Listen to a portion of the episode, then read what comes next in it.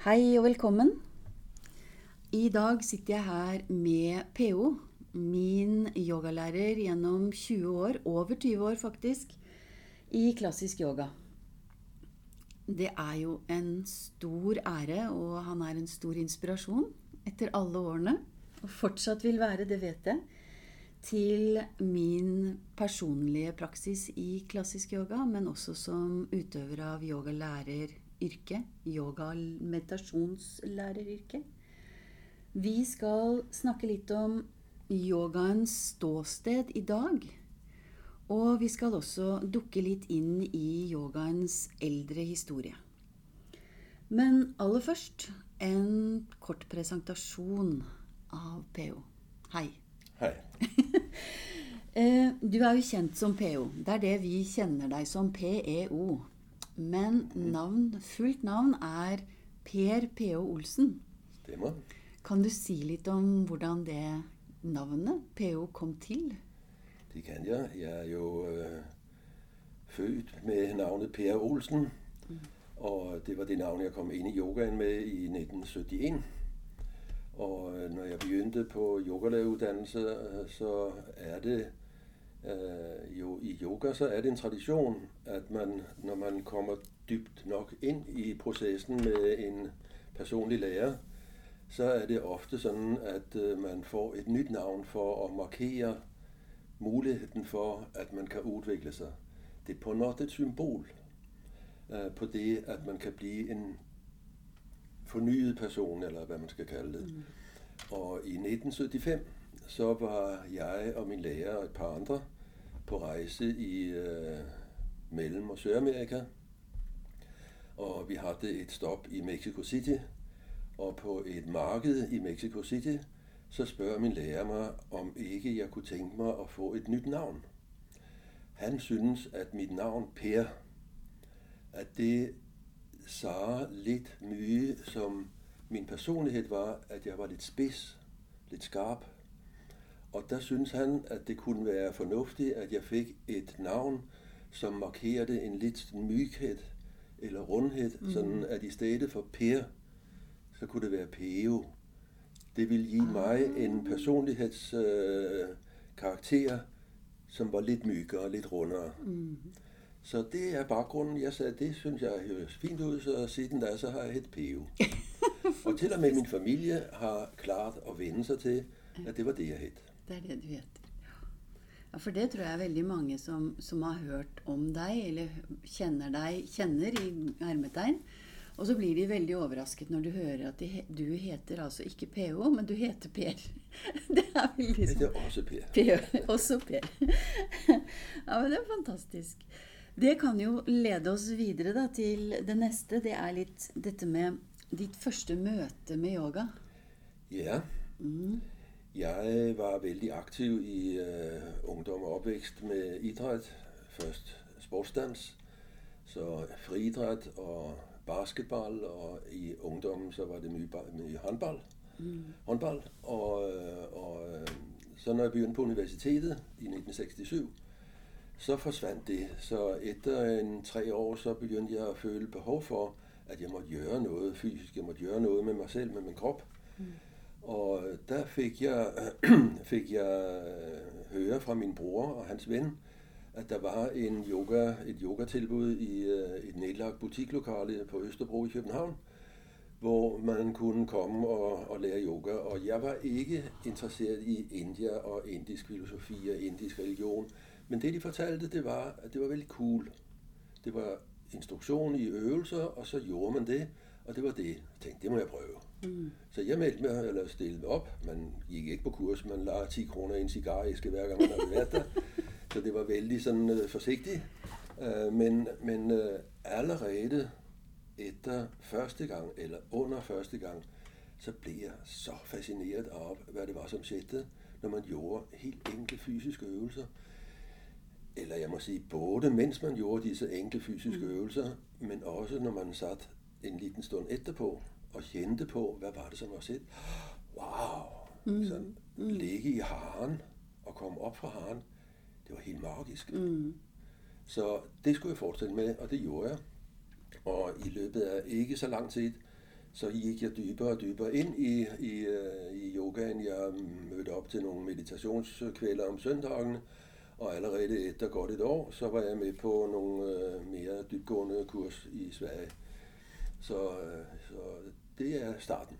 Det var starten. Ja, og jeg var, øh, jeg var i gang med mine studier i dansk sprog og litteratur, og var næsten færdig med det, da jeg fik tilbud om, at jeg kunne have et par klasser i ugen øh, som yogalærer. Og inden øh, sommeren var færdig, altså planlægningsfasen, så endte jeg op med at sætte med 14 klasser af to timer i ugen som min debut. Så, så der var jeg solgt. Ja. Der var jeg solgt. Der var det det, jeg skulle gøre resten af livet, og det er det, der har gjort. Ja, ikke sant? Ja, det å bli solgt, det, det kjenner jeg veldig til. Når du startet på det studio, øh, eller det stedet, ja, øh, var det innenfor klassisk yoga tantra, sånn som Det er den tradisjon som jeg har vært i siden, ja. og som jeg selv har arbeidet med. Og jeg er, min personlighet er sånn at jeg liker å fordype meg. Jeg, liker, jeg, ser ikke sånn en som shopper rundt og skal være litt der og litt der. Mm. Så jeg har vært i den samme tradisjonen som jeg, har, som jeg møtte fra starten. Og så har jeg øh, på måte fordøyd det Mm. Sådan at det, jeg kommer frem til som mit udtryk i dag og de sidste 20 år, mm. det er det, jeg har med mig fra min lærer, mm. fra den uh, lærer, som jeg har haft uh, helt fra den gang, og det, som jeg så selv har bearbejdet tingene til og, og forstået og, og ligesom set for mig. Og, altså, der er mange sider af det. Det er jo blandt andet pædagogik. Ja. Ikke sådan, altså, teknikker er ikke bare teknikker, det er også teknikker, som er knyttet til en pædagogik. Mm. Og i pædagogik, så ligger der mange ting, der ligger også et menneskesyn. Mm. Ikke Så der har været nogle justeringer i forhold til det, som jeg ja. mødte hos min lærer. Uh, men, men i udgangspunktet er det den tradition, som jeg mødte dengang i 71, som jeg står i i dag. Mm. Det er jo en ting, det med pædagogik. Det husker jeg, når, vi, eller når jeg var hos dig ikke bare på utdanningen, men jeg gjorde jo yoga på, i Ruseløkveien i mange år før jeg begynte på utdanningen òg. Mm. Det pedagogiske forankringen som, som, jo er en sjeldenhet, vil jeg si, faktisk, og som har vært en veldig stor inspirasjon til å selv ta tak i det. Mm. Fordi det er en form for kommunikasjon inn til harddisken mm. eh, som gjør at det blir noe mer så det merker jeg. Men du snakker om din lærer. Eh, hvem, hvem, er det? Det er en som øh, ja, Det er en danske, mm. som i sitt borgerlige liv så het han Jørgen Drejager. Mm. Og han ble svami i øh, slutten av 60-tallet, og, og, altså i 60-årene. Og ble kalt øh, svami øh, Janakananda. Ah, ja. Så øh, mm. Og det er den lærer, jeg har haft. Og så har jo hans lærer også været på besøg i Skandinavia, og det var veldig fascinerende at møde ham, mm. og også studere hans, øh, det han har, jeg holdt på at sige, det han har skrevet. Han har ikke skrevet noget som helst, det er hans elever, som har skrevet de mm. foredrag, han har holdt. Mm. Men det er Swami Satyananda, ja. som er på en måde min bedste far. Ja. Så, så det er de to lærere, som, øh, som jeg tager udgangspunkt i. Ja. Og det, som jeg så har set nødvendigheden av å justere litt på.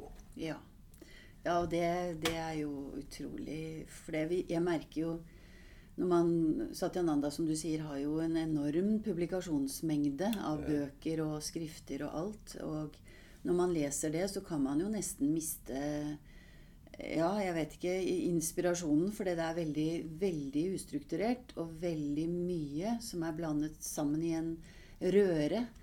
Og da har jo dette med og, og, total mangel på pedagogisk forståelse, syns jeg, da. Det er kanskje litt brutalt sagt, men, men det å oppleve da at man får det til og med på dansk-norsk, strukturert så hjernen klarer å få det inn, og forstå så mye som min hjerne kan forstå, i hvert fall, av det, har vært fantastisk.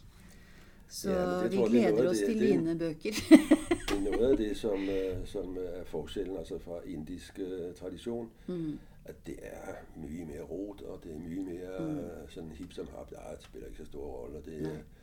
og, og der kan være ting, som er okay det, men øh, vi skandinaver, Ja. Vi liker at se lidt mere klarhed ikke sådan, og lidt mere struktur.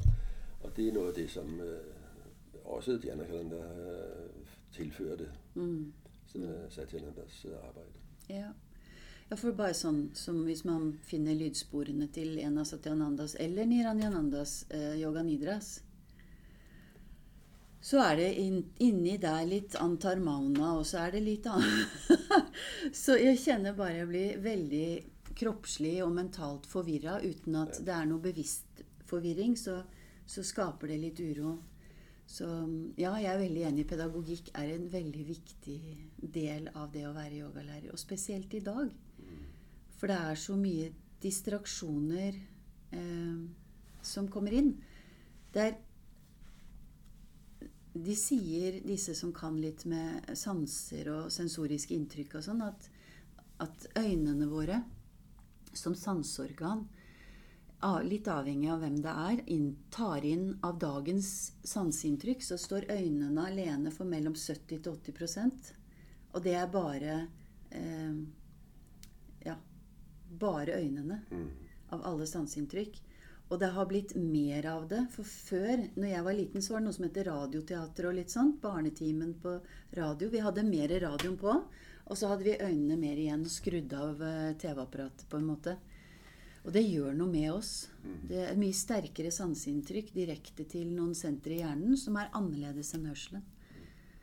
Så mm, også en av de tingene som Og når vi først er inne på det sporet, dette med det som du var veldig tydelig på, og kanskje også streng på, var å jobbe med instruksjoner. Ja. At vi kunne faktisk praktisere tre timer med yoga med deg på Jønhalt med øynene igjen. Og vi skjønte hva du mente. Selv når vi var nye til deg, fordi at presisjonen er så tydelig, og det har så mye å si. Så det ligger vel også litt i tradisjonen vår. Ja, det gør det nok. Altså, at vi har, vi har ment, eller jeg mener fremdeles, at uh, instruktion uden at man skal herme, altså uden at man viser, hvad man skal gøre, Mm. er en mye øh, stærkere type instruktion. Og det kræver jo selvfølgelig, at læreren er tydelig øh, og ved, hvad, hvad han skal. Altså skal man oversætte det, man udfører med kroppen, til en verbal instruktion. Øh, det har sine, sine positive sider. Ja. Jeg syns det er nesten litt urettferdig at uerfarne elever skal prøve å kopiere en kropp som en yogalærer har gjort yoga med i kanskje 15-20 år. Så er det ikke så lett En ting er å få det til sånn passe, men, men det blir på en måte ikke noe som er elevens egen opplevelse. Hvis man bare Så- spejler, så får man det ikke ind i sig selv. Så man får ind i en selv. Man må, man må opfatte, hvad det går ud på. Man må oversætte det til, at kroppen kan forstå det. Og så må man udføre det. Ja. Det er tre processer, som er mere mm. end at bare være et spejl. Ja. Når vi har hatt elever på våre yogalærerutdanninger, så er det en av de tingene som vi presiserer veldig mye i, i det. Og så er tilbakemeldingen at det er vanskeligst. Ja, og det er det. Og det er noe med at det, den tiden skal man få lov til å få.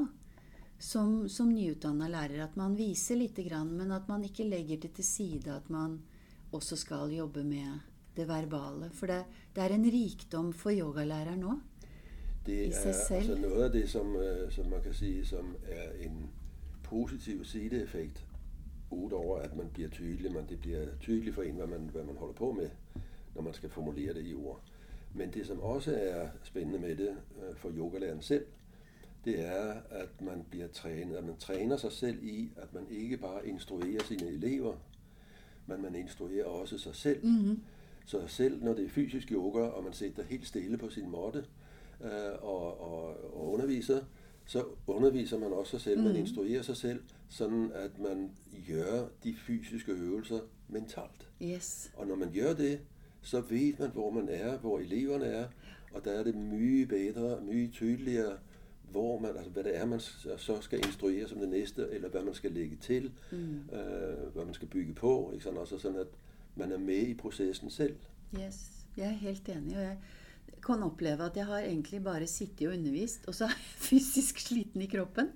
Og så kjenner jeg at energien strømmer, enda jeg nesten ikke har beveget meg. Og det er en utrolig spesiell og spennende Dette kan vi snakke masse om. Kanskje vi dukker opp i et annet tema en annen gang. Eh, jeg tenkte litt på Det er jo eh, ganske unik, den utdanningen som du og din kone Parvati, Kari, i sin tid hadde.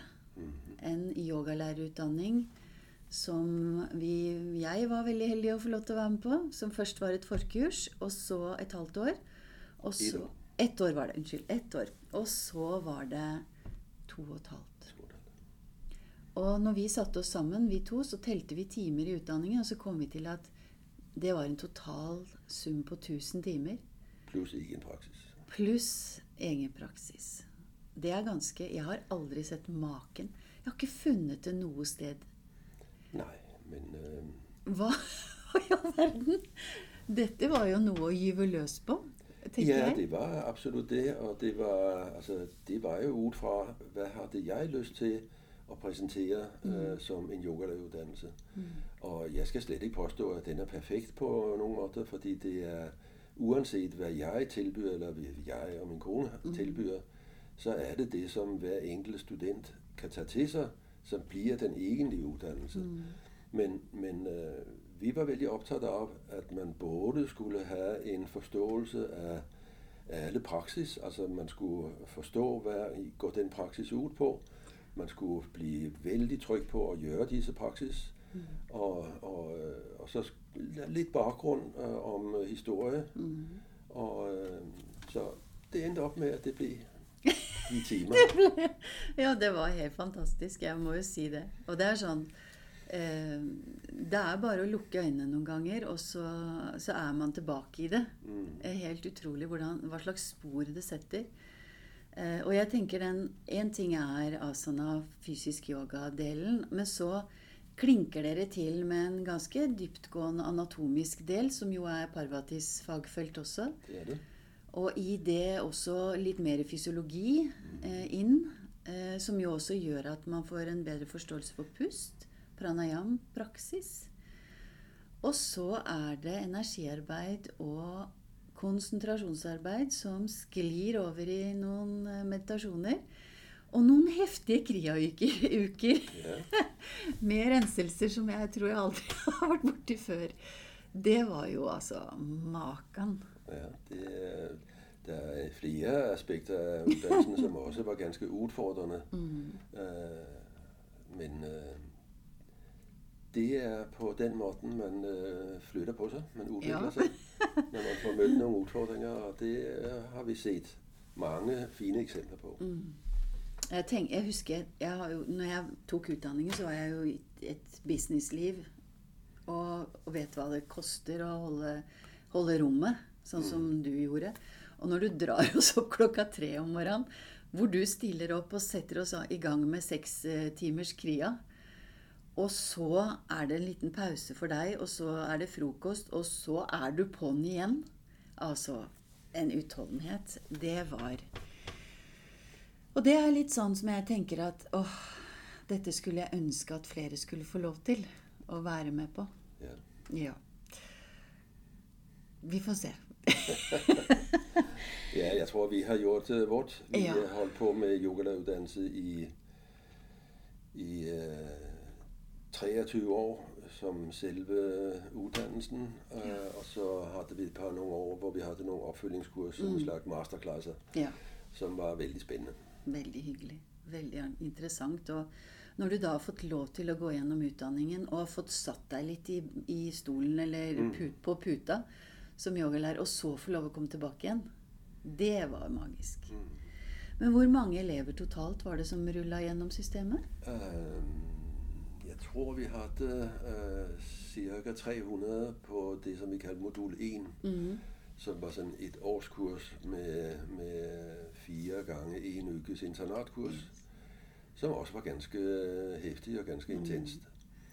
Øh, og så øh, var det vel, øh, jeg tror, cirka 160-70, som var igennem den tillægsuddannelsen på, på to og et halvt år. Mm. Så det er noget i den størrelsesorden.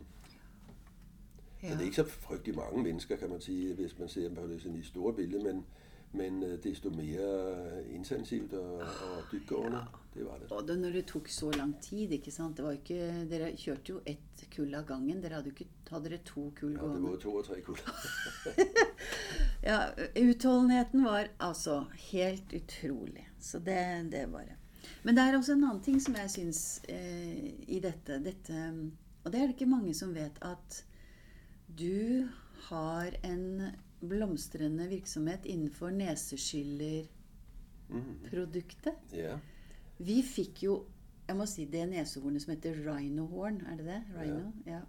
Det er jo Rhinohorn. rhinohorn ja, rhinohorn. Eh, nesehorn.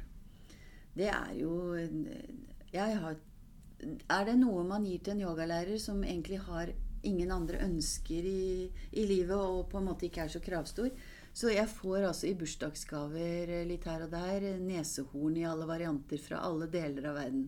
Og det er veldig, veldig hyggelig. Og samtidig så lander jeg tilbake til eh, denne mm. som dere har. Fordi den har denne fine, riktige åpningen i tuten, og så er det den som ligger i hånden. Ja, ja. Eh, men det er Hvor mange land er dere i? Vi har distribusjon i Jeg tror det ligger på ca. 27 land i hele verden. Worldwide, ja. Og det er mest i Europa selvfølgelig, men uh, også vi er begyndt i Asia, og vi er så vidt uh, skal til at komme i gang i Rusland. Mm. Og uh, der er nogen, som sådan prøver det lidt ud i Chile og, så, og USA og Canada, og det er ikke så stort der, men, uh, men uh, det er der. Ja. Og uh, der er nogen, som har prøvet sig, og som ikke rigtig har fået det til i Thailand og i Hongkong, men det, det gik i sig selv, kan man sige. Så det, ja og i Tyrkia for så vidt også. Men ellers er vi mange lande i Europa, hvor det, hvor det øh, gør, gør det godt. Ja, fantastisk. Og det begyndte jo med, at vi, det var taget udgangspunkt i, at vi underviste i næsesølling i yogaklasserne. Mm. Øh, bare så tænkte vi, det her må da være noget, som øh, flere end yogaelever kan have glæde af. Så vi begyndte at sende information ud til læger i Oslo-området, sådan rundt 1990, og der var god respons, selvom de var, nogen var lidt skeptiske, fordi yoga havde ikke så stor stjerne dengang. Men øh, apotekerne ville gerne tage det ind i Oslo øh, på kommission. Ah. Men det begyndte at sælge, ikke? Sådan, sådan ja. at vi øh, var kommet i gang. Og så så vi, at hvis det her skulle tage, altså det var en keramikkande, og hvis vi, vi så, at skulle det her blive lidt større, end, end det var da, så var vi nødt til at gøre noget, hvor logistikken var enklere, så mm. vi, øh, vi, øh, jeg udviklede en øh, model, som kunne støbes i plast. Ja. Så det er det, som det er nu øh, i sådan noget helt giftfrit plast, for den er testet i alle oh. ender og bærer, så, så den er 100% sikker ja. som et... Øh, ja. ja. Og det er, det er vigtig. Det er vigtig. Ja. Og så er det mengden som kommer ut, og så er det hvordan det hviler i hånden. At den, ja, det er super eh, Og så, etter vi flyttet produksjonen til Vietnam, ja. så har vi også altså, så har distribusjonen utvidet seg til mange flere land. Mm. Fordi det blir en annen pris. Ja, nemlig. Men ikke bare en annen pris, det blir også faktisk mye mer stabil kvalitet. Ja. Ja. Vi begynte med å produsere på Notodden, men eh, de som produserer i Vietnam, de har mye mer stabil kvalitet. Ja, ikke sant. Rart nok. Ja, men altså, det er ikke alt som er best i Norge. Det er bare sånn. Det er også en annen ting som personlig for meg har vært, og fortsatt er, en veldig viktig del av praksis. Og det er eh, yoga nidra. Ja. Én ting er at det er en god hvile Altså når man er sliten og man kan få kommet inn. Men det er jo noe magisk med selve strukturen og med avspenningen. Eh, og yoga nidra, for dere som lytter til, det er en dybdeavspenningsteknikk. Og det du har gjort, er at du har laget en serie med yoga nidraer. Ja. Som eh, er å finne på Spotify, blant annet. Den er på alle elektroniske plattformer. Yes. Eh, kan du si litt om Altså, jeg husker i starten Eller starten, når er starten? Men jeg husker jeg kom over Før jeg møtte deg, kom jeg over CD-ene. De blå. Den blå og den røde og den grønne og en lilla, ja. tror jeg. Og det, der var det én CD med avspenninger. Det var en CD, vi gav ud i 1996, Yes. og som jo har stået så. Det er ikke sådan, at den bliver umoderne næste år, så den har solgt jævnt og trygt. Ja. Øh, indtil det i rundt 19, eller 2015, så stoppede jo alt CD-salg, så der, der blev slut. Men vi solgte i stedet sådan 5-26.000 i løbet af de årene Ikke sant? af den øh, blå. Ja. Øh, og øh, som sagt, i 2015 stoppede alt CD-salg op, og det var akkurat det år, jeg gav ud den sidste af de fem dobbelt-CD'er i Yoganidra-serien, så det har været en, for at sige det mildt, moderat succes, men det findes jo. Det eksisterer, og det eksisterer på, på Spotify, og Ja. Tidal og You- YouTube. Ja. Ja.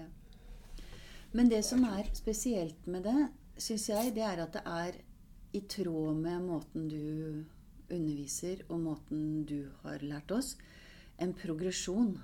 Og det er det for uerfarne eh, yoga nidraer, eller eh, nidra-entusiaster, så er det kanskje ikke så lett å vite at det er en serie, og det er nummerert, og at der er det en progresjon i forhold til at man starter i det enkle. Ja. Det er, altså, det er en øh, dobbelt CD med korte afspændinger på en 10-12 minutter, øh, som er forskellige varianter af, af enkle afspændinger, nogle lidt mere avancerede, men, men så er der de fire næste dobbelt CD'er, der er der en serie på 10 yoganidraer, som udvikler sig fra det enkleste nybegynder mm. yoganidra, og så i- tager man flere og flere ting med og udvikler det, uddyber det, sådan at øh, det øh, den sidste yoganidra, som er den tiende yoganidra i den serie, er ganske avanceret yoganidra. Men i tillæg så er der jo nogle øh, meditationer indimellem yoganidraerne, så er der kropsmeditation, som går lidt længere end det, som er en enkel afspændingsteknik, mm. hvor det faktisk kan siges, jamen det er også en meditation, selvom det er enkelt en halv time med kropsbevidsthed. Det bliver altså meditation, hvis man giver sig tid til at gøre det. Yes. Og også åndens bevidsthed. Og jeg har en, øh, en instruktion i noget, som er vældig øh, interessant, at man ligger stille på ryggen, og det eneste, man har som instruktion, det er ubevægelighed og vågenhed. Yes. Det er en vældig morsom og interessant måde at udforske afspændingstilstanden. Det kræver nok, at man er lidt erfaren med afspænding, øh, så man øh, ikke bare flyter ud, men altså kan man holde kontakten med ubevægelighed og vågenhed Mm. i, jeg tror det er 20 minutter. Det, og da blir man jo også veldig oppmerksom på sinnets tilstand. For det, det drifter jo av gårde fortere enn Underholdningsavdelingen tilbyr mye annet mellom instruksjonene. Så det er en fantastisk prosess. Jeg må også nævne, at på den sidste dobbelt-CD, så er der også en introduktion til det, som hedder øhm, Chakravarohan, Ja. som er øh, chakrasang eller jo. chakra-chanting, eller hvad man kalder det. Og der er både en introduktion til det, og der er en enkel udgave af chakrasynging, og så er der en mere avanceret på Mm. øh, 40 minutter, tror jeg det er. Ja, den er fantastisk. Den krever litt erfaring, men samtidig så er det så fint at er du helt nybegynner til det, så oppdager du at det er noe. Mhm. Og så kan man jo hoppe fram og tilbake. Jeg er jo en sånn eh, praktiker i yoga og i undervisningen min at jeg, jeg ruller alltid tilbake litt til start igjen. Men det er jo, når du siger det, så er der en interessant ting med yoga og meditation for så vidt. At det er ikke yogaen, som er nybegynder eller avanceret. avanceret. Ikke man snakker om nybegynder yoga og avanceret Nej. yoga. Det er er jeg. udøveren. Det er udøveren, som er nybegynder mm. eller avanceret. Så en avanceret udøver gjør nybegynder yoga, så er det avanceret yoga. Yes. Og jeg, jeg tenker at ehm, Jeg prøver å forklare elevene mine noen ganger at hvis man kan tenke seg at man går inn i et rom, et rom, fysisk rom, og så ser man hva som er i det rommet. Og så er man der litt, så blir man vant til det rommet. Og så går man ut av det rommet og kanskje inn i et annet rom, og så gjør man noe annet med seg selv. Og så kommer man tilbake til det første rommet, så er ikke det helt likt som første gangen du var der, fordi at du har også forandret deg. Og det er det samme med yoga. At du møter praksisen, og du møter stillingen, og du møter deg sjøl. Du er ikke lik hele tiden, og du forhåpentligvis så skjer det en forandring gjennom livet. Og derfor så føler jeg veldig at yoga er Ja, det er en praksis, men det er en livsprosess. På et, et, et mye dypere plan enn å dinge armer og bein hit og bli myk og sterk. Og det skjer noe veldig transformerende hvis man vil. Hvis man vil. Ja, hvis man kan få øje på det. Ikke sant? Altså, Ja. Det kræver jo, at man er våken og bevidst. Våken og bevisst. Det har jeg hørt før. yes. Eh, da lurer jeg på om vi skal snike oss over til et tema rundt dette med hva er yoga i dag, på en måte? Hvordan står vi litt i yoga? Eh, jeg Folk spør meg jo Folk jeg ikke møter før, har møtt før, så spør de meg sånn Hva gjør du? Hva gjør du? Og så sier jeg at jeg er yoga- og meditasjonslærer, og så blir det sånn «Hæ? Kan du leve av det? ja, nå kan jeg det. Eh, Men det er ikke noe som har kommet gratis. Men det andre Og det er liksom Prøver å så er jo folk høflige. De spør kanskje, eller de virker tilsynelatende interessert. Noen blir veldig interessert. Og så kan man jo oppleve å bli møtt med mennesker som sier at Nei, jeg er så stiv. Yoga er ikke noe for meg. Eller Nei, gud, det der med å sitte med beina i lotus og ome og drive med rare ting, det er heller ikke noe for meg. Så jeg får veldig sånn blandede inntrykk på hva folk tror yoga er, og det tror jeg har mye med at yoga har litt lett for å bli presentert via glossy magasiner og fancy Instagram-hypes med umulige stillinger på den ene siden. Og på den andre siden så er det jaggu meg en tøffel som sitter i lotus med et sånt blikk innover. Som jo også er for spesielt interesserte. Som yoga er liksom mellom de ytterpunktene. Eh, og uten at vi skal på en måte generalisere for mye, men jeg opplever at det er to hovedsyn på yoga i dag. Det er på en måte den eh, fysiske, litt sånn fitness, også kalt MPY, modern postural yoga, på den ene siden. Og så er det den andre som kanskje mer har med seg flere aspekter, som yoga, asana, pranayam, meditasjon eller konsentrasjonsøvelser, som kan bli meditasjon. Og uten at vi skal på en måte si noe om hva som er riktig og gal yoga. For det får folk finne ut av sjøl, syns jeg. Eh, så kan vi jo se litt på de to Hvis vi på en måte går inn litt på de to hovedsynene. Eh, hvis vi ser på historien bak den fysiske yogaen sånn som den er i dag Træningsyoga. Treningsyoga, kanskje, ja. Altså Det hender jeg får spørsmål på telefon. Har du yogakurs som gjør at jeg kan få en bedre trim på min triceps og flat mage på 14 dager? Altså litt sånn. Men det hender, det. Eh, Og da sier jeg nei. Eh, Ikke akkurat nå, men kanskje på sikt. Men jeg kan tilby noe annet.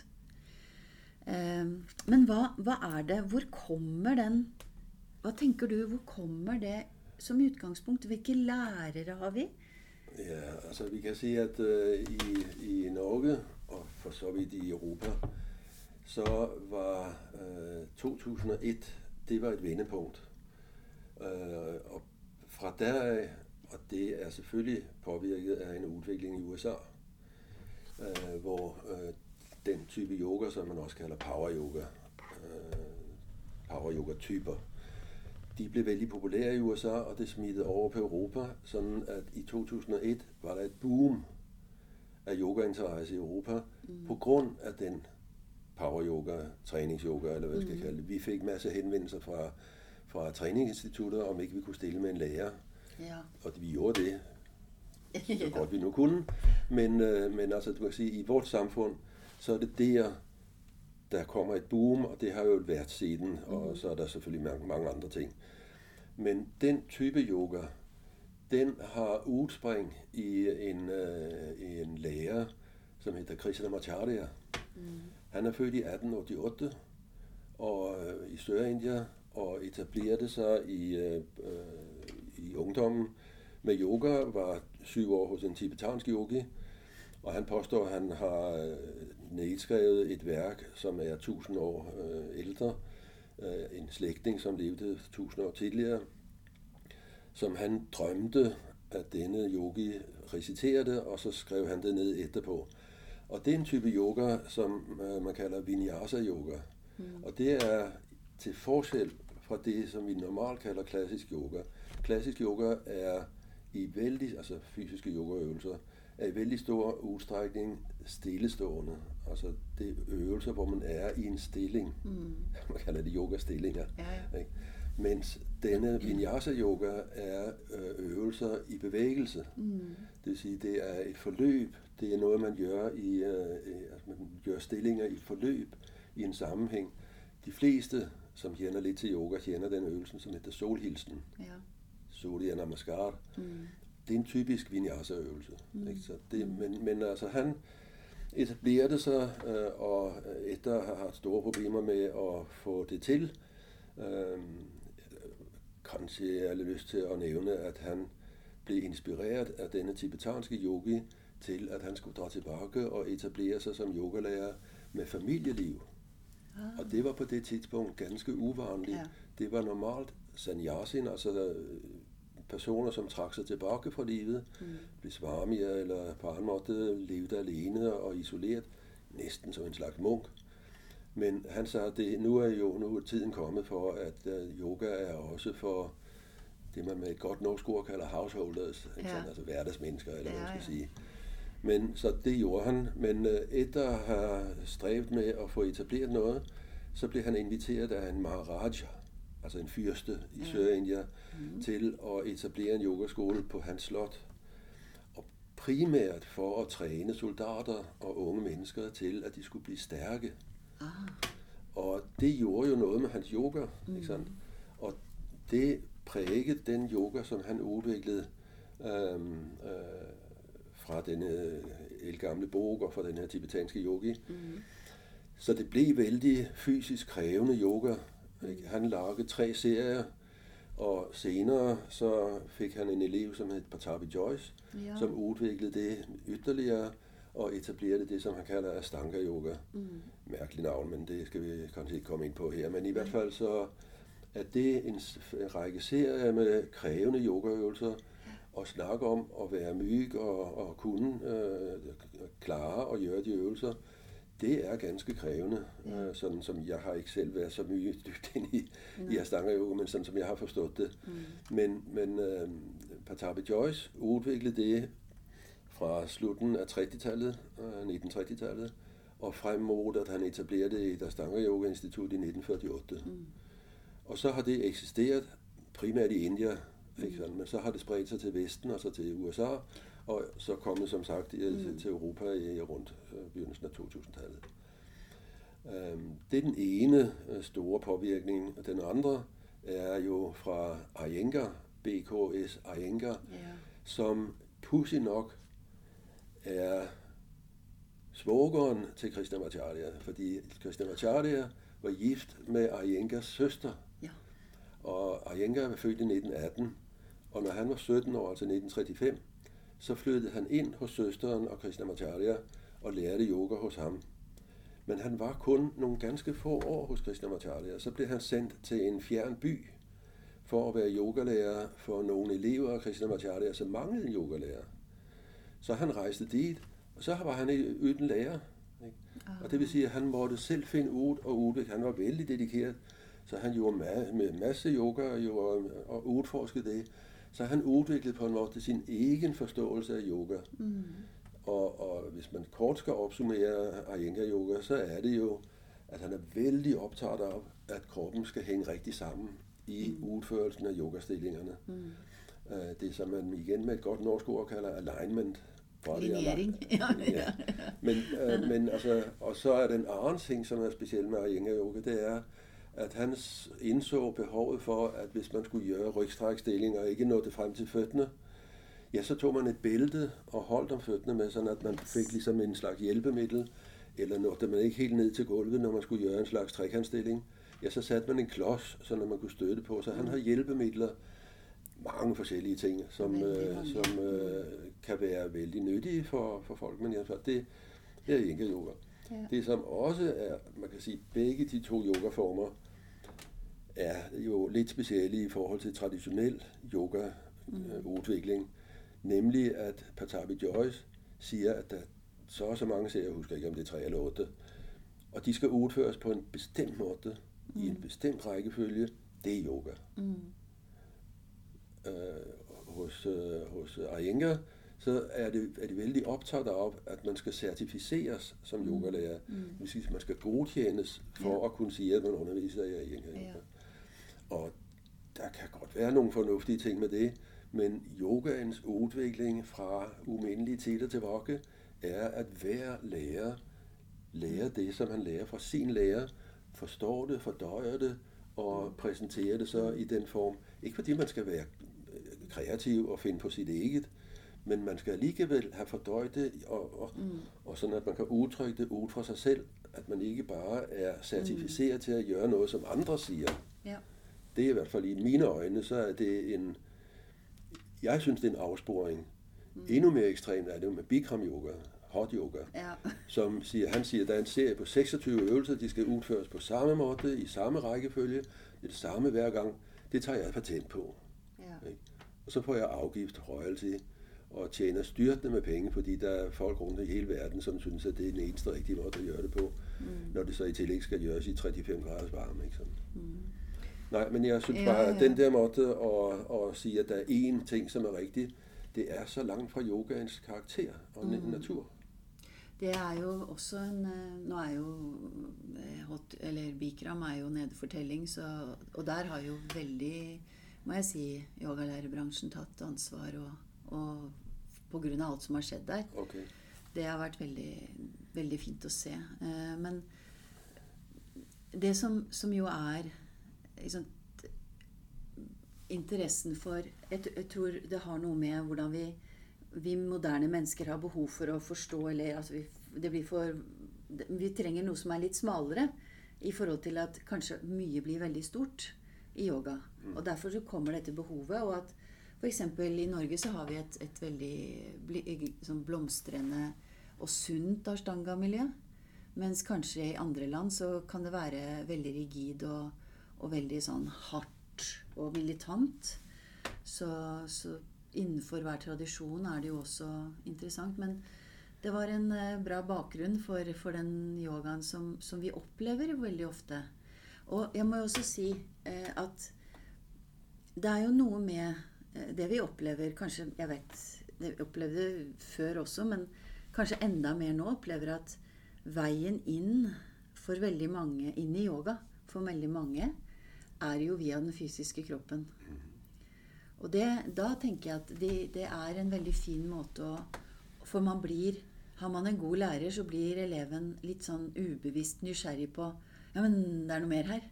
Ikke sant? Og, så, og om det er Uansett hvilken tradisjon det er, så er det veldig fint å, å se at det Men hvis vi tenker på klassisk yoga, da eh, For, det, for meg er det sånn Hæ? Når vi ser alle disse beskrivelsene rundt omkring eh, på f.eks. kursinvitasjoner eller Jeg prøver å følge litt med. Jeg syns det er interessant å kunne praktisere med andre lærere, få inspirasjon.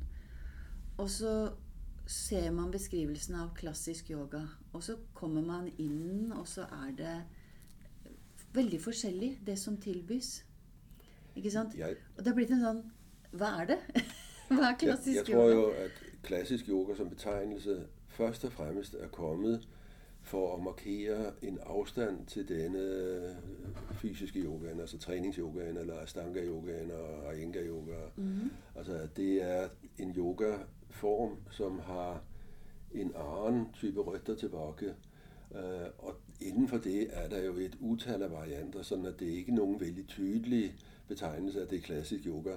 Men man kan sige, at det, som er klassisk med det, det er, at det peger tilbage til yoga udviklinger fra mm. før Krishnamacharya, mm, for at sige det sådan. Mm. Uh, og at det, at det stort set alt sammen peger tilbage på tantrisk yoga. Ja. Sådan at det er tantrisk yoga, som har udviklet sig, uh, og i alle sine varianter nu går under betegnelsen klassisk yoga. Det er sådan, jeg opfatter det. Mm. Øh, og det kan være både det, som vi kalder hatha yoga, som har hovedvægt på, på fysisk yoga, pøstø, pøsteøvelser og kanskje i nogen grad øh, renselsesprocesser. Mm. Men det, som vi jo vi forstår mm. som klassisk yoga, det er jo en mere integreret yoga, hvor der er mange aspekter af yoga, som spiller sammen. Ikke bare fysiske øvelser, pøsteøvelser og, og øh, øh, renselsesprocesser, men også øh, det, vi kalder holdninger og mudrabanda. Ja.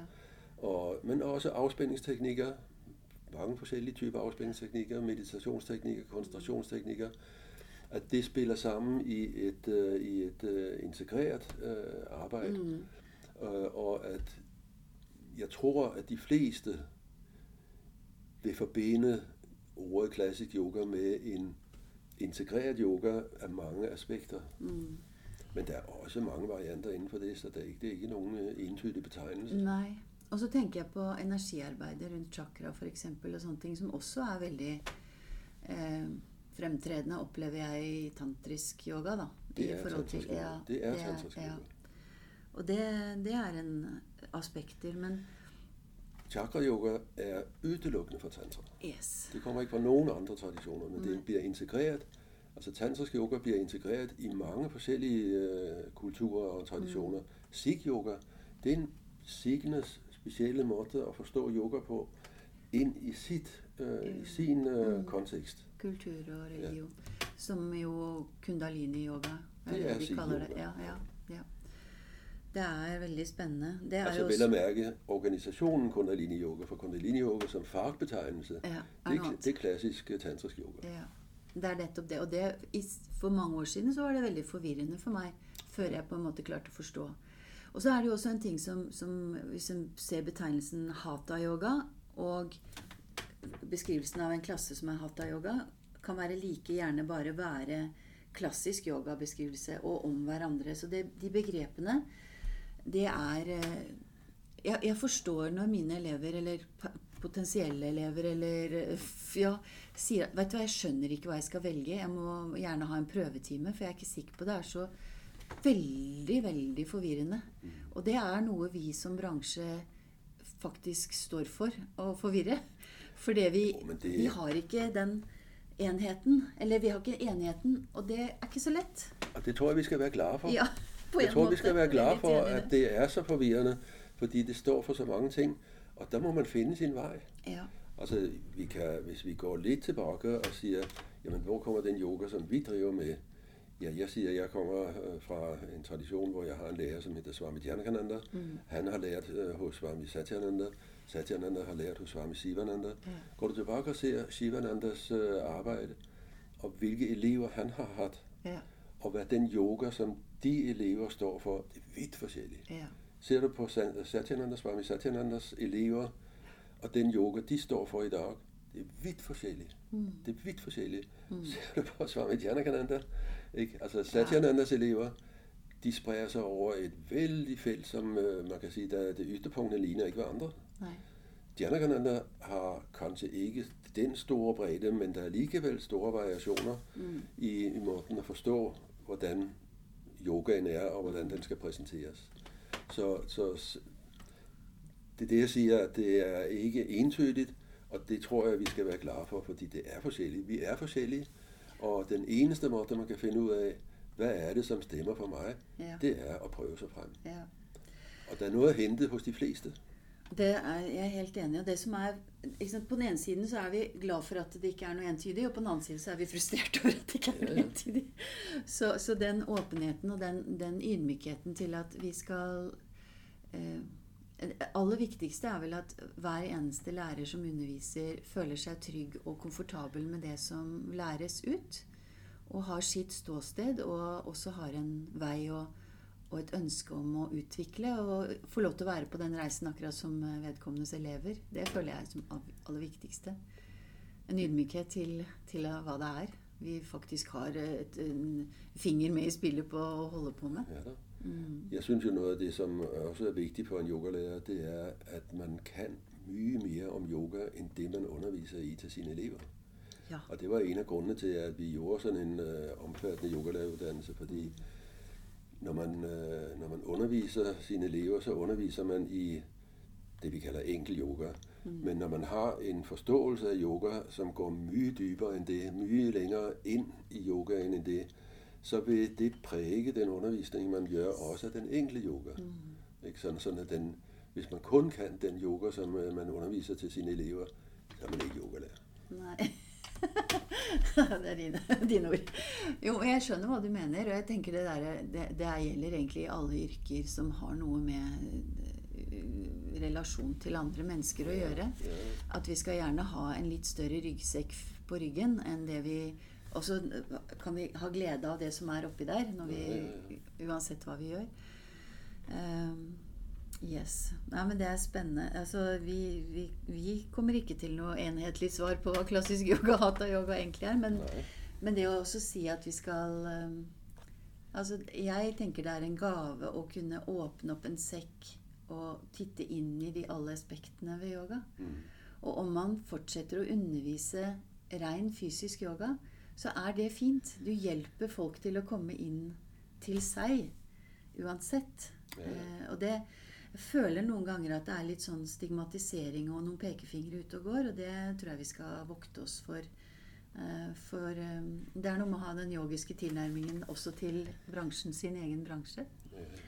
Men du, det ordet yoga, det er jo en interessant sak. For det var jo før jeg eh, på en måte eh, ramlet inn i ditt studio, så hadde jeg alltid hørt at ordet yoga på en måte er det betyr union. Det betyr å forene. Og så øh, blir man jo dessverre født Eller man er dessverre født nysgjerrig. Og har en iboende trang til å forstå og, og, og grave. Og så ser man jo at det er ikke bare det. Men det er det vi populistisk driver og slenger rundt med. Populært. Populært kalt union. Men eh, her vet jeg at du har eh, litt mer tanker, litt mer synspunkter. Så. Ja, altså det er jo riktig at ordet yoga øh, som regel normalt oversettes til at betyde union eller forening. Øh, selve ordet øh, er jo sanskrit. Ja. Og øh, roten i øh, ordet yoga øh, er yuj. Og det betyder øh, at binde sammen eller forene. Mm-hmm. Det samme ord, som vi har i det engelske ord yoke, eller det var norske ordet ork. Oh. Det, som man har på skuldrene for at ork, ja. balancere. Ja, ja. Så det er det, som er den etymologiske øh, baggrund for ordet yoga. Men i sanskrit-litteraturen, så har øh, ordet været brugt i mange sammenhænge, før det fik den betegnelse, altså før det blev betegnelse for den type øvelser, som vi kender mm, som mm, yoga. Mm, mm. Der kunne det betyde at feste eller forene, sætte fast, eller en tilnærming, en metode, en bestræbelse, et hjælpemiddel. Det kunne betyde sum, eller ejendom, eller magi, eller kontakt med, og det kunne være et ords sammenhæng med sin rot, eller en grammatisk regel, eller det kunne være hovedstjerne i et stjernesystem. Altså vi ser, at ordet yoga har et uh, vældig stort spektrum af referencer. Mm. Men på et tidspunkt, så blev det jo betegnelse for en tradition, som er knyttet til, til øh, metoder eller øh, teknikker, som har været udviklet for med tanke på at ændre bevidstheden og personligheden i et arbejde med en form for transcenderende koncentration. Mm. Altså det vil sige, at den gør noget med, med ens tilstand og ens øh, bevidsthed. Men så bruges yoga også i akademisk sammenhæng. Så bruges det som betegnelse for den filosofi, som blev præsenteret af Patanjali. Patanjali skrev et værk, som hedder Yoga Sutra, og det regnes som en slags yoga-filosofi. Mm. Det er lidt sådan forenklet, men det er sådan, man i akademisk forstand siger, det er det, som er yoga. Øh, og, og man kan også møde øh, beskrivelser af yoga, som at det betyder formålet med yoga. Altså det, som er formålet med ja. yoga, det er det, som er yoga. Øhm, ja, det er... Øh, det er nok så utvidet. Ja, og, ja. og i mine øjne, så er yoga det betegnelsen for en, for en type teknikker, Ikke sant? Altså, vi har været inde på fysiske mm. øvelser, pusteøvelser mm. osv. Mange forskellige typer teknikker. Det er det, som er yoga. Mm. Mens traditionelt, så siger man, at yoga, det er det, som er hensigten med yoga. Og i oldtiden, altså i, i indisk øh, forhistorie, så var al åndelig stræben, det var at søge at komme ud af øh, reinkarnationscyklusen. Ja. Og det var det, som var yoga. Det var yogaens mål og mål, målsætning. Mm. Men, øh, men øh, jeg har en liten historie fra vort øh, næsehornprojekt. Ja. Når vi introducerede næsehorn i Danmark, så øh, står der på pakningen, så står der sådan en lille reference til, øh, hvad yoga er for noget. Og der beskriver jeg yoga som udførelsen af teknikker og lidt sådan kort om virkningerne, altså hvordan man oplever det at gøre yoga, mm. at det gør noget med ens velvære og så videre. Mm. Så fik jeg en, øh, en henvendelse, en mail fra en, øh, en, øh, en person, som sagde, jamen, han havde læst, at yoga, det er, øhm, nu skal vi se, øhm, at yoga er arbejdet med at frigøre sig fra reinkarnationscyklusen. Det har han læst en religionshistorisk professor udtale, det er det, som er yoga. Ja. Og så svarede jeg ham, at øh, man kan godt man kan godt sige, at man kan forstå yoga som, hvad er det, man skal frem til med yoga? Hvad er det, yoga skal føre frem til? Eller hvordan virker yoga? Men for mig at se, så er det at beskrive yoga og de umiddelbare virkninger, som jeg kan opleve ved at gøre yoga, det er også en relevant måde at sige, det er det, som er yoga, og det er mm. sådan, yoga fungerer. Øhm, og den måde, man beskrev yogas øh, virkningsmekanismer på for 2-3.000 år siden, det er selvfølgelig ud fra et referencesystem, som hjalp der, mm. mens de referencesystemer, vi har i dag, de er ikke de samme. Ikke sådan? Altså, vi har videnskab, og vi har psykologi og, og fysiologi og alt muligt. Og, og for os er det mere naturligt at udtrykke yogaens virkningsmekanismer i forhold til sådan nogle referencer og ikke i forhold til de målsætninger, man forstod var, relevant, var gældende i indisk øh, oldtid. Ja, jeg, øh, jeg tenker liksom Yoga er noe vi kommer, og noe vi gjør. Vi gjør det med kroppen. Eller ja, kanskje ikke med kroppen engang. Vi bare sitter. Men og det er én ting, det, er det der å gjøre. Men så kan man jo være skikkelig gæren, og så kan man være til stede i det man gjør. For det er jo også en ting at mange har sikkert gjort som meg, opplevd at man setter seg i bilen, og så skal man fra A til B. Og så kjører man der. Og man har ikke kjørt på noen, og man kom frem. Men man husker faktisk ikke reisen, for man var så oppe i sitt eget hode. Og den det opplever jeg er veldig relevant også i forhold til eh, fysisk yogapraksis eller eh, pranayam-praksis. At de hører hva jeg sier, og de gjør det jeg sier. Men så driver de og kjører ved siden av, eller overtar delvis. Så den, det er én ting er å gjøre. Det har en funksjon. Kroppen blir sterk. Hvis vi snakker om asana bare, så kroppen blir sterk og myk, selv om hjernen er et annet sted. Så, eller oppmerksomheten er et annet sted, bevisstheten. Så kan det skje. Men så kan man invitere til noe mer. Og det er å være i det man er i. Det er yogalærerens primære oppgave. Ja, nemlig.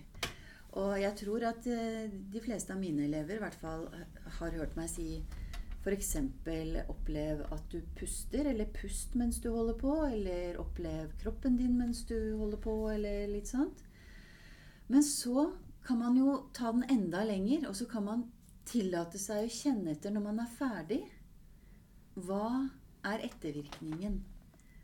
Det er jo også yoga. Det er en viktig del av yoga. Ja. Og da kan du tenke deg hvis, hvis, vi gjør dette her, hvis vi tar dette ut av yogamatta, ut av yogapraksis, og så f.eks. en som har sittet i et møte, en person som har sittet i et møte, kanskje vært eh, heftige diskusjoner på jobb, og så et, rett etterpå bare sette seg ned og så kjenne Hva gjorde dette med meg og min energi? For veldig mange av oss har lett for å bli litt slitne etter noe sånt. Og det kjører og det går. Og til og med kanskje det er kort avstand mellom skuldre og øreflipper, og magen er dratt inn. Det er også yoga, akkurat i det øyeblikket man driver med det. Jeg har, mm, jeg har altid tænkt, at der er så mange mennesker, som, øh, som øh, driver med jogging, mm, og har vældig stor glæde af det, Mm. og det har jeg fuld respekt for. mm, Men jeg bare tænker, at hvis de mennesker efter en joggetur lader sig ned på ryggen i 5 minutter, ja. så vil de Uh. få så mye mere Ja. ud af sin joggetur, end bare Yes. joggingen. Og være, også når de tøyer ut, være i kroppen når de gjør de tøyningene. Det er det. Men jeg, jeg tror i hvert fall mine elever er veldig gode på det der. Ja, ja, men det er jo fordi, det, Det er det hører, med trent, i, ja. det hører med i den yoga, vi underviser ja, i. Ikke? ja. Det hører ikke med i al yoga. Nei. Der er nogle yogaformer, som springer det der helt over, jeg ikke har, har syn for det, Ja. ikke har sans for det, og det synes jeg er vældig synd. Ja. Så yoga er egentlig noe vi gjør, noe vi er i, og noe vi kan oppleve etterpå. Og så er det egentlig I det så ligger det en sinnstilstand. Altså det er en, en nærværstenkning i det som jeg syns er utrolig berikende. Og det å få øye på seg selv etter f.eks. et sånt møte, få øye på seg selv og hvordan man har det. Og så kunne gjøre noe med det enkelt ved å ta noen dype pust og transformere den stressa energien og ned med sympatikus og opp med parasympatikus og liksom bare Altså så stor verdi det har. Så ja. Så litt dette med Vi sklir egentlig over i, i et nytt tema. Vi har begynt på det for lenge siden. Eh, dette med Vi har snakket litt om hva er egentlig yoga, hvor stort og breit det kan være. Men hvis vi som Dette med formålet, altså styrke, smidighet Ja.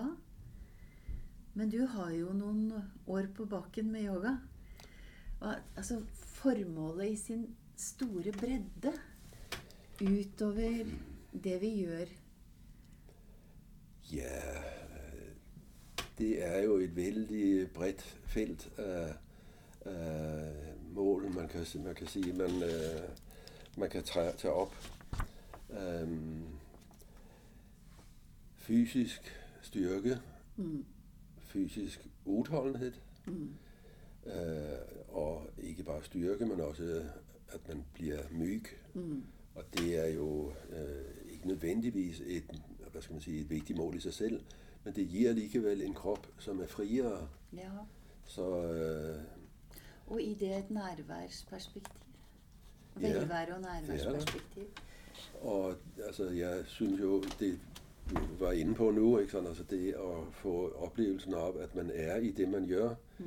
det er kanskje noget af den allervigtigste øh, hensigt med yoga, eller, eller målsætning med yoga, Mm. at det spreder sig ud over til hverdagen, sådan at man er mere til stede, man oplever mere den tur, man går hver dag, så ser man ting, når man, når man normalt ikke ser. Og der er jo, der er jo øh, i historien, så har der jo været en forståelse af, at yoga det er- betyder, at man har kontrol over sindet, og kontrol over kroppen og sindet. Men det er en form for yoga, som går helt tilbage til de, de tidlige Upanishadene, Der beskrives yoga i stor grad som, at man har kontrol over sindet, man har kontrol over sansene, og også hos Patanjali er den beskrivelse fremtrædende.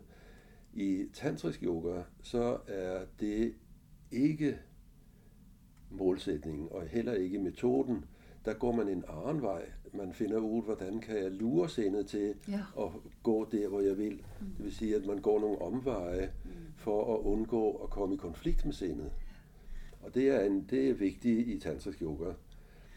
Så har der jo også i, øh, i historien øh, i øh, Bhagavad Gita, som er et skrift, som øh, har vældig stor popularitet i yoga, eller i, i India, Mm. Der beskrives yoga jo mere som en livsstil, eller mere som en, en tilnærming til livet. Uh, man skiller mellem karma-yoga, uh, bhakti-yoga Ja. ja. og jnana-yoga. Og karma-yoga er, at man finder ud, hvordan er yoga i det, jeg gør, altså i mine handlinger. Og, øh, og bhakti-yoga, hvordan kan jeg få yoga med ind i min hengivelsespraksis, for mange er det let at sætte lighedstegn med i bøn, Men hengivelse er jo noget, som vi har brug for i alle sammenhænge. Ja. Kan du hengive dig til at vaske op? ja. Kan du, hen, kan du hengive dig til at støvsuge? Mm. Ja, hvis du kan det, så har du mulighed for at bruge hengivelse som en metode mm. til at komme til yoga. Mm. Jnana yoga øh, forstår man som øh, den yoga, hvor man finder ud, hvem er jeg? Det vil sige, at man får en oplevelse af jeg i det, man gør. Mm. Men disse yogaformer, som ikke er teknikker i samme grad, som vi traditionelt tænker på som yoga, de var allerede, når Bhagavad Gita blev skrevet, så var de allerede omstridt. Mm. Sådan at der er mange, som siger, at det er ikke en rigtig fremstilling af yoga. Men de har stået så stærkt, og de har på en måde blivet vældig dominerende i moderne syn på yoga. Og det skyldes øh, Vishnu Devananda, som var en yogi på slutningen af 1800-tallet. Han var vedantisk yoga, og han præsenterede disse øh, Bhagavad Gita yogaformer som vigtige yogaformer øh, for det moderne menneske. Mm. Altså han, han præsenterede yoga i Vesten for første gang i 1893 i en religionskongres i Chicago. Og det har blivet stående som vigtige elementer i yoga også i dag. Mm. For mange i hvert fald. Mm. I vedantisk yoga, så siger man, at hensigten med yoga, det er, at jeget, det individuelle, den individuelle øh, jeg, forenes med den guddom, det guddommelige jeg. Mm. Men det er en, hvad skal man sige, en religiøs, vedantisk religiøs forståelse af øh, yoga-begreber. Mm. I tantrisk yoga, så vil man sige, at det er en sammensmeltning mellem energi og bevidsthed, yeah. som er hensigten. Mm. Sådan at det går i ganske forskellige retninger, øh, når man ser på, hvad man tænker sig som, som hensigten eller målet med yoga. I moderne, I moderne tid, så tror jeg, at de fleste, mange, vil sige velvære. Velvære. Velvære. Ja. Jeg har det godt. Yes. Når jeg har været på yoga, så har jeg det godt. Jeg husker øh, nogle elever, som gik på videregående yoga i mange år. De kom tilbage og sagde, den pils, som vi tager efter yogaklassen, det er den bedste i hele ja, for at tage det lidt ud? Sådan, i, at, at man, det, det handler om, hvordan har man det. Ja, yes, jeg er helt enig. Og vi, jeg er veldig enig i det. Og jeg, det er veldig vigtigt for mig, at, at det skal være enkelt og greit å komme til yoga. Det er klart det er progresjon i kursen, og det blir ulike nivåer etter hvert som, som jeg kan utvide eller involvere elevene i dypt, mer dyptgående teknikker. Men jeg er helt enig. Og det, det, bare det å gjøre de oppmerksom på at de, jeg har et speil her i garderoben, ser du der borte. Jeg sender dem dit for å se på ansiktene sine etter en yogatime. Hvordan fargen i øynene fra kontorgrått i kinnene mm. til en glimt i øynene, til å bare kjenne hvor er skuldrene nå, hvor er magen. Velvære. Og jeg tror velvære gir Jeg bare ikke tror, jeg er helt sikker på at velværefølelsen det gir noe enormt viktig. Og så åpner det opp noen gode kamre i hjernen som gjør at man har lyst til å utforske det mer. At det ubevisst så vil den eleven eller de elevene oppleve at vet du, dette har jeg bare lyst til å lære mer om. Ja. Og da er vi der uansett hva det er vi underviser i. Altså, Hvis vi skal være litt romslige i det, så, så, så må folk bare For vi er så forskjellige. For de fleste mennesker, så vil det, og, altså den oplevelse, som man har, mm. det vil være. Ikke sådan? Ja. Hvis man trænger lidt dybere ind i, ja, hvad er det for noget, og hvad ja. kommer det fra? Ja, så er der ingen tvivl om, at det har noget at gøre med, at alting bevæger sig friere i en, mm. ikke? Altså, og mm. at der ikke er så mye, som stopper og blokerer. Nej. Sådan at uh, man, man har en følelse af, at man hænger mere sammen. Og der kan man sige, yoga er forening. Ja, det er forening af hele en. Ikke? Fra det inderste til det ytterste, ja. eller fra det nederste til det øverste. Uh, når jeg tænker på, på uh, udviklingen hos de studenter, som har gået igennem yogalæreruddannelsen, jeg kan også snakke for mig selv, altså den udvikling, som har været for mig med yoga op i af mange år, så er nok det, som er allermest påfaldende, det er, at man får en mye tryggere hjerne i sig selv. Mm. Altså hver person finder en tryg hjerne i sig selv, mm. og det er altså noget af det bedste, man kan have som udgangspunkt for at leve et liv. Et liv, ja. å stå i livet. Ja. For det er ingen dans på roser. Nej, altså, men, men at man har en tryghed Ja. dybt i sig selv, at man ved, at jeg er her, og jeg står for det, jeg er, og jeg tåler at gå igennem også vanskelige ting. Mm. Men jeg har mig selv med. Og jeg, ja, og jeg kjenner meg selv litt nå, så jeg vet at nå kommer det noen sånne slag, og så vet jeg litt punkt én hvordan jeg har det eller med det, og det andre er at jeg har en liten verktøykasse. Ja, ja, det har man nemlig også. Ja. Jeg må bare Jeg har eh, alle vi yogalærere sier jo det. Vi har verdens fineste elever. Det, det tror jeg alle eh, lærere sier. Eh, en elev sa til meg at eh, min ektefelle sier at jeg ikke får lov til å slutte på yoga, for jeg blir så hyggelig av dette her. det er så deilig.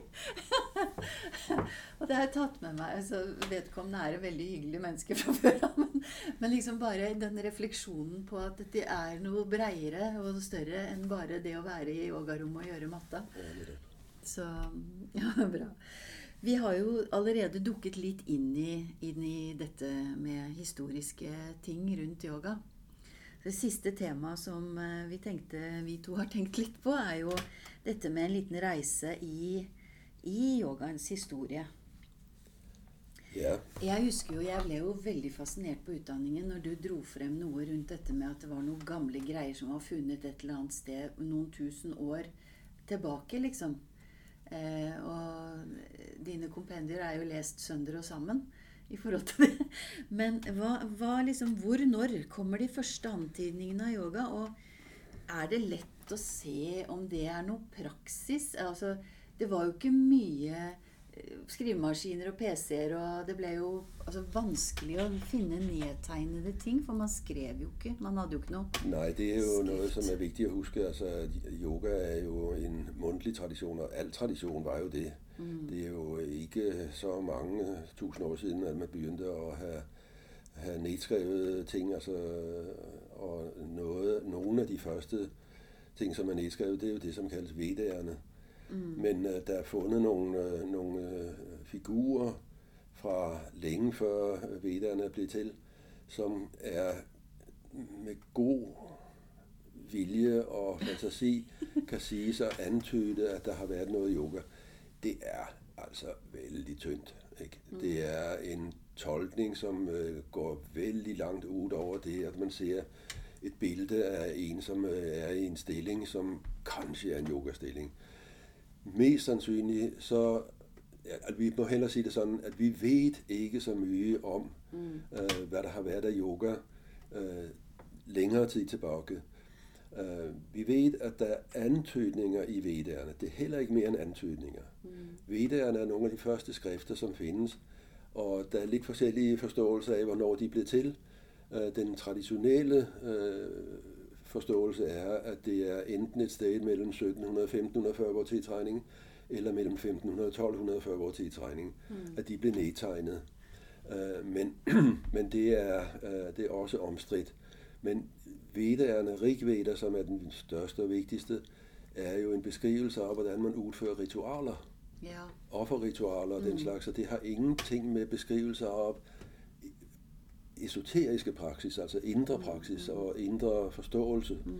Det er først noget, der kommer med Upanishadene, som er en periode sådan fra cirka 1000 før vores tidtrækning, og de første Upanishadene, altså de tidligste Upanishadene, frem til omtrent vores tidtrækningsbegyndelse. Og her begynder der at opstå begreber, som hører til i yoga-sammenhæng.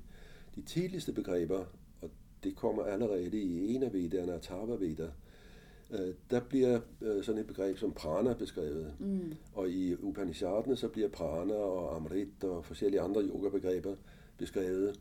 Mm. Men det er først en Upanishades fra omkring 200 før vores tidtrækning, at ordet yoga med reference til et systematisk, en systematisk praksis opstår eller øh, dukker op. Mm.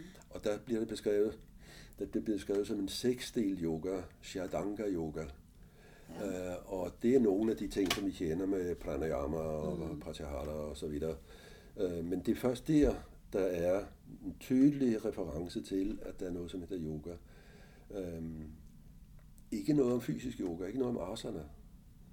Der er nogle beskrivelser af, at man skal få en krop, som er fri for sygdom, som er stærk og som er dit og datten. Mm. Noget, som senere vældig ofte er knyttet til, det er det, som er virkningerne af fysisk yoga, mm. altså alle aserne. Mm. Men ikke noget om, at man udfører aserne. Det, det er først, det første, mig bekendt, øh, som kommer i, i, i, i litteraturen, den tidlige litteratur, det er hos Patanjali. Mm. Tidligere tænkte man, at Patanjali uh, Yoga Sutra er skrevet 240 år til træning. Nu hælder man mere til, at det er et sted mellem 2 til 500 efter vores tidstræningsbegyndelse, at den er blevet til. og et af de, en af de ting, som kjendetegner Patanjalis værk, er jo, at han beskriver otte dele af yoga. Mm. Ashtanga, det betyder otte lemmer. Mm. Uh, yogaens otte lemmer. Og et af lemmerne, det er asana. Men hos Patanjali, så er asana at sætte stille. ja. Og ikke anstrenge sig. Mm. Og man udvikler asana ved at reducere anstrengelsen og meditere. Mm. Tre sutraer handler om asana hos Patanjali, og de handler kun om, at man ikke skal anstrenge sig, at man skal sætte stille, og man skal meditere. Mm. Så det er ikke mye til Astanga yoga i moderne forstand. Nej. Nej, det ordet er nok bare tatt. For at få kredit. Ja. Nej, men altså det er ja. først med den tantriske yoga fra omkring 500, mellem 500 og 1000 ind i vores tidstræning, mm. At den fysiske yoga ordentligt etableres, altså asana og pranayama. Mm. Uh, og der er jo et tidligt skrift fra 1100-tallet, som hedder Hatha Yoga Pradipika, ja. som beskriver fysiske stillinger. Mm. Det er de tidligste beskrivelser af ja. fysiske stillinger som vi kender. Det er så jo det, lidt moderne, det da. ja, det er det jo, men, men altså, det, vi, vi, vi har lidt for, at vi gerne vil knytte yoga tilbage til noget vældig, vældig gammelt. Der er ikke så mye grundlag for at sige det. Nej. Det som, jeg læste et, uh, egentlig så var det en professor, og jeg har leita etter det, den uttalelsen, eller den skriften hans. Jeg skal prøve at finde det igen, men han, Sånn man, han så litt på India og Kina, hele det kontinentet der, da, som en helhet i forhold til at eh, det medisinske perspektivet som kalles for kinesisk medisin, tradisjonell kinesisk medisin, ayurveda, klassisk kinesisk medisin og alt det, og, og urtebehandling, altså urter, kosthold, bevegelse og alt det som på en måte Hvis man går tilbake der hvor det var stammer som flyttet seg rundt, så hadde de en sjaman som hadde flere roller, og en av de var jo fastlegeordningen. Mm. Og at i den sammenheng så kunne det tenkes at det lå noen spor tilbake til at, at man på en måte som eget måtte være, Man måtte være um, levedyktige produserende medlemmer av stammen for å bidra til både i krig og til å hente mat. Og, og at der kan det komme noen antydninger til at man måtte gjøre noe, holde seg i form, og at det var en klok sjel da, som skulle forordne en del ting. Det Men kan det, hende, at der kanskje noen antydninger. Ja, ikke høre selv, hvor, det hvor tåke det er. Altså, vi, mm. vi vet ikke noe. Altså. Nei. Ja, det synes og jeg det bare det er fascinerende. Men, men også ha det med seg at kanskje det er større og videre enn det vi har snevret det inn til, var litt mitt budskap. At, at, kanskje det var noe måte man bare rett og slett levde på. Jeg har en, jeg har en teori. Ja. Jeg har en teori. Yoga er noe som hele tiden oppstår. Mm. Hvorfor? Jo, fordi alle mennesker, alle barn, mm. de er nysgjerrige på hva kroppen er for noe. Mm. Hva kan jeg med denne kropp? Mm kan jeg stå på den måde, kan jeg være på den måde. Mm. Hvis jeg nu stiller mig i den stilling og står en stund, hvad er det? Ja. Altså, det, det, det, det, det, det, skal jo ikke noget, det skal jo ikke noget mere til, end at man er nysgerrig, og at man udforsker, mm. at man undersøger. Mm. Hvad siger det, hvis jeg sætter mig ned og lukker øjnene og bare lægger mærke til, at jeg lever? Ja. Jeg puster. Ja. Hvad siger det, hvis ja. jeg gør det? Det er sgu da ikke noget hokus pokus. Man trænger ikke at læse en litteratur fra 3000 før vores tidsregning for at finde ud af, det er en mulighed. ja, det kan da hvem som helst finde ud af. Ja. Så yoga kunne potentielt opstå hele tiden. Mm. Og det vil sige, at det har eksisteret så langt tilbage, som mennesker har eksisteret. Yes, det er netop mitt Det er min teori. Ja, og vi er helt enige. For det, vi er, øh, vi er undrende, vi er søkende. Vi, du sa en gang at eh, kanskje yoga bare var en lek med kropp. Ja. jo, men det kan være det. Og, Jamen, der, er mange, det som- der er mange, som tænker, at yoga er noget kunstfærdigt. Ja, Det er det jo ikke. og veldig alvorlig. Det kunstfærdige, det er noget, som man gør sig til for. Ja. Men det er det jo ikke. Yoga er noget af det mest naturlige. Mm. Meditation er at finde de naturlige processer. Mm. Hvad siger det, hvis jeg sidder og ser på et stearinlys? Alle har siddet og set ind i pejsen. Ja, Ikke? Hvad siger det, hvis du lægger mærke til det? ja, Så sker der noget. ja. Hvad siger der, hvis jeg synger? Hvis jeg synger det samme om og om igen. Alt det der, det er yoga. ja. Jeg er Hvis man gitter og lægger mærke til det. Mm. Og det var det med nærværet, Ja. som, vi, som vi driver og trener på. Og så yoga-traditionen, ikke sandt? Det siger, Mm. at ja, hvis du nu gør sådan og sådan, ikke sandt? så skal du se. Ikke? Og hvis du gør sådan og sådan, Mm. det er yoga-traditionen. Ikke? Vi trenger litt kart og ganger. Ikke sant? Det er, altså, Ja. vi må ikke alle sammen opfinde julet, vel? Nei. jeg er helt enig. Dette med Men- tradisjon, og det har jeg lyst til å prate mer om en Nej, jeg har bare lyst til at understrege, at der er mange, som forventer, at yoga, det handler om at komme et andet sted hen. Mm. Det handler jo om at komme hjem til sig selv. Ja. Ikke? Man skal ikke skabe noget, man skal være. Mm. Jeg er helt enig. Og det å kjenne at man er i det man bør være i. Ja. For det vi har veldig lett for i enda mer kanskje nå, og spesielt etter den eh, perioden nå etter mars i fjor, så har vi veldig behov for å flykte litt vekk fra ikke være i det som er, for det er litt for ubehagelig. Mm. Og, og det kan jo yoga ha, eller yoga har ulike verktøy for oss til å håndtere det ubehaget også.